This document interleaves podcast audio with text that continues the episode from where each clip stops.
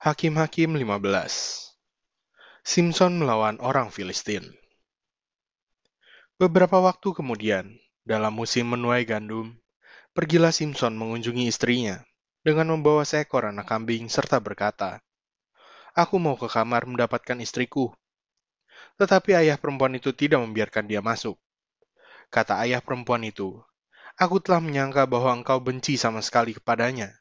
Sebab itu aku memberikannya kepada kawanmu. Bukankah adiknya lebih cantik daripadanya? Baiklah kau ambil itu bagimu sebagai gantinya.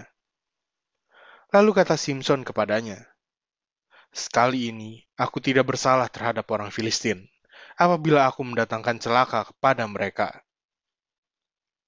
Maka pergilah Simpson, ditangkapnya 300 anjing hutan, diambilnya obor, diikatnya ekor dengan ekor, dan ditaruhnya sebuah obor di antara tiap-tiap dua ekor. Kemudian dinyalakannya lah obor itu, dan dilepaskannya anjing-anjing hutan itu ke gandum yang belum dituai kepunyaan orang Filistin sehingga terbakarlah tumpukan-tumpukan gandum dan gandum yang belum dituai dan kebun-kebun pohon zaitun. Berkatalah orang Filistin, Siapakah yang melakukan ini? Orang menjawab, Simpson, menantu orang Timna itu, sebab orang itu telah mengambil istri Simpson dan memberikannya kepada kawannya. Kemudian pergilah orang Filistin ke sana dan membakar perempuan itu beserta ayahnya.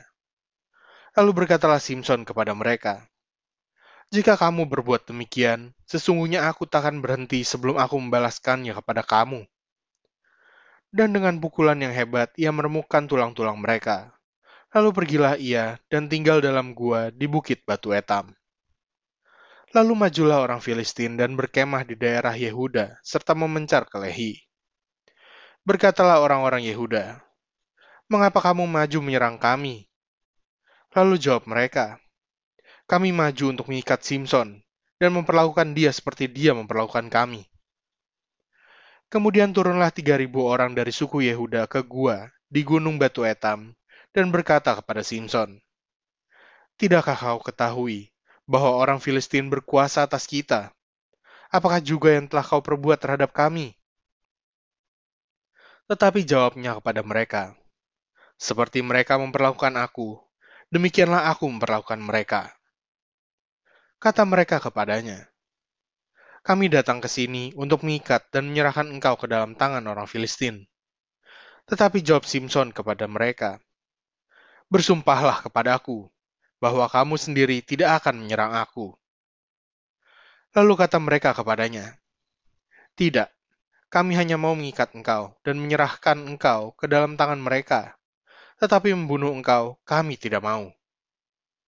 Maka mereka mengikat dia dengan dua tali baru dan membawa dia dari bukit batu itu. Setelah ia sampai ke Lehi dan orang-orang Filistin mendatangi dia dengan bersorak-sorak, maka berkuasalah roh Tuhan atas dia dan tali-tali pada tangannya menjadi seperti batang rami yang telah habis dimakan api, dan segala pengikatnya hancur tanggal dari tangannya. Kemudian ia menemui sebuah tulang rahang keledai yang masih baru. Diulurkannya tangannya, dipungutnya, dan dipukulnya mati seribu orang dengan tulang itu.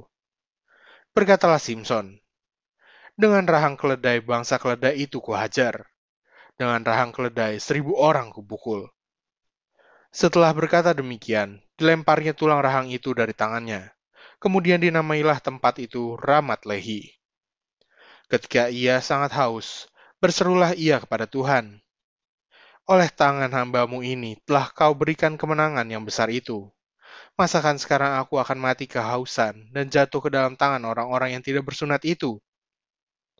Kemudian Allah membelah liang batu yang dilehi itu, dan keluarlah air dari situ. Ia minum, lalu menjadi kuat dan segar kembali. Sebab itu dinamailah mata air itu mata air penyeru, yang sampai sekarang masih ada di Lehi. Ia memerintah sebagai hakim atas orang Israel dalam zaman orang Filistin 20 tahun lamanya.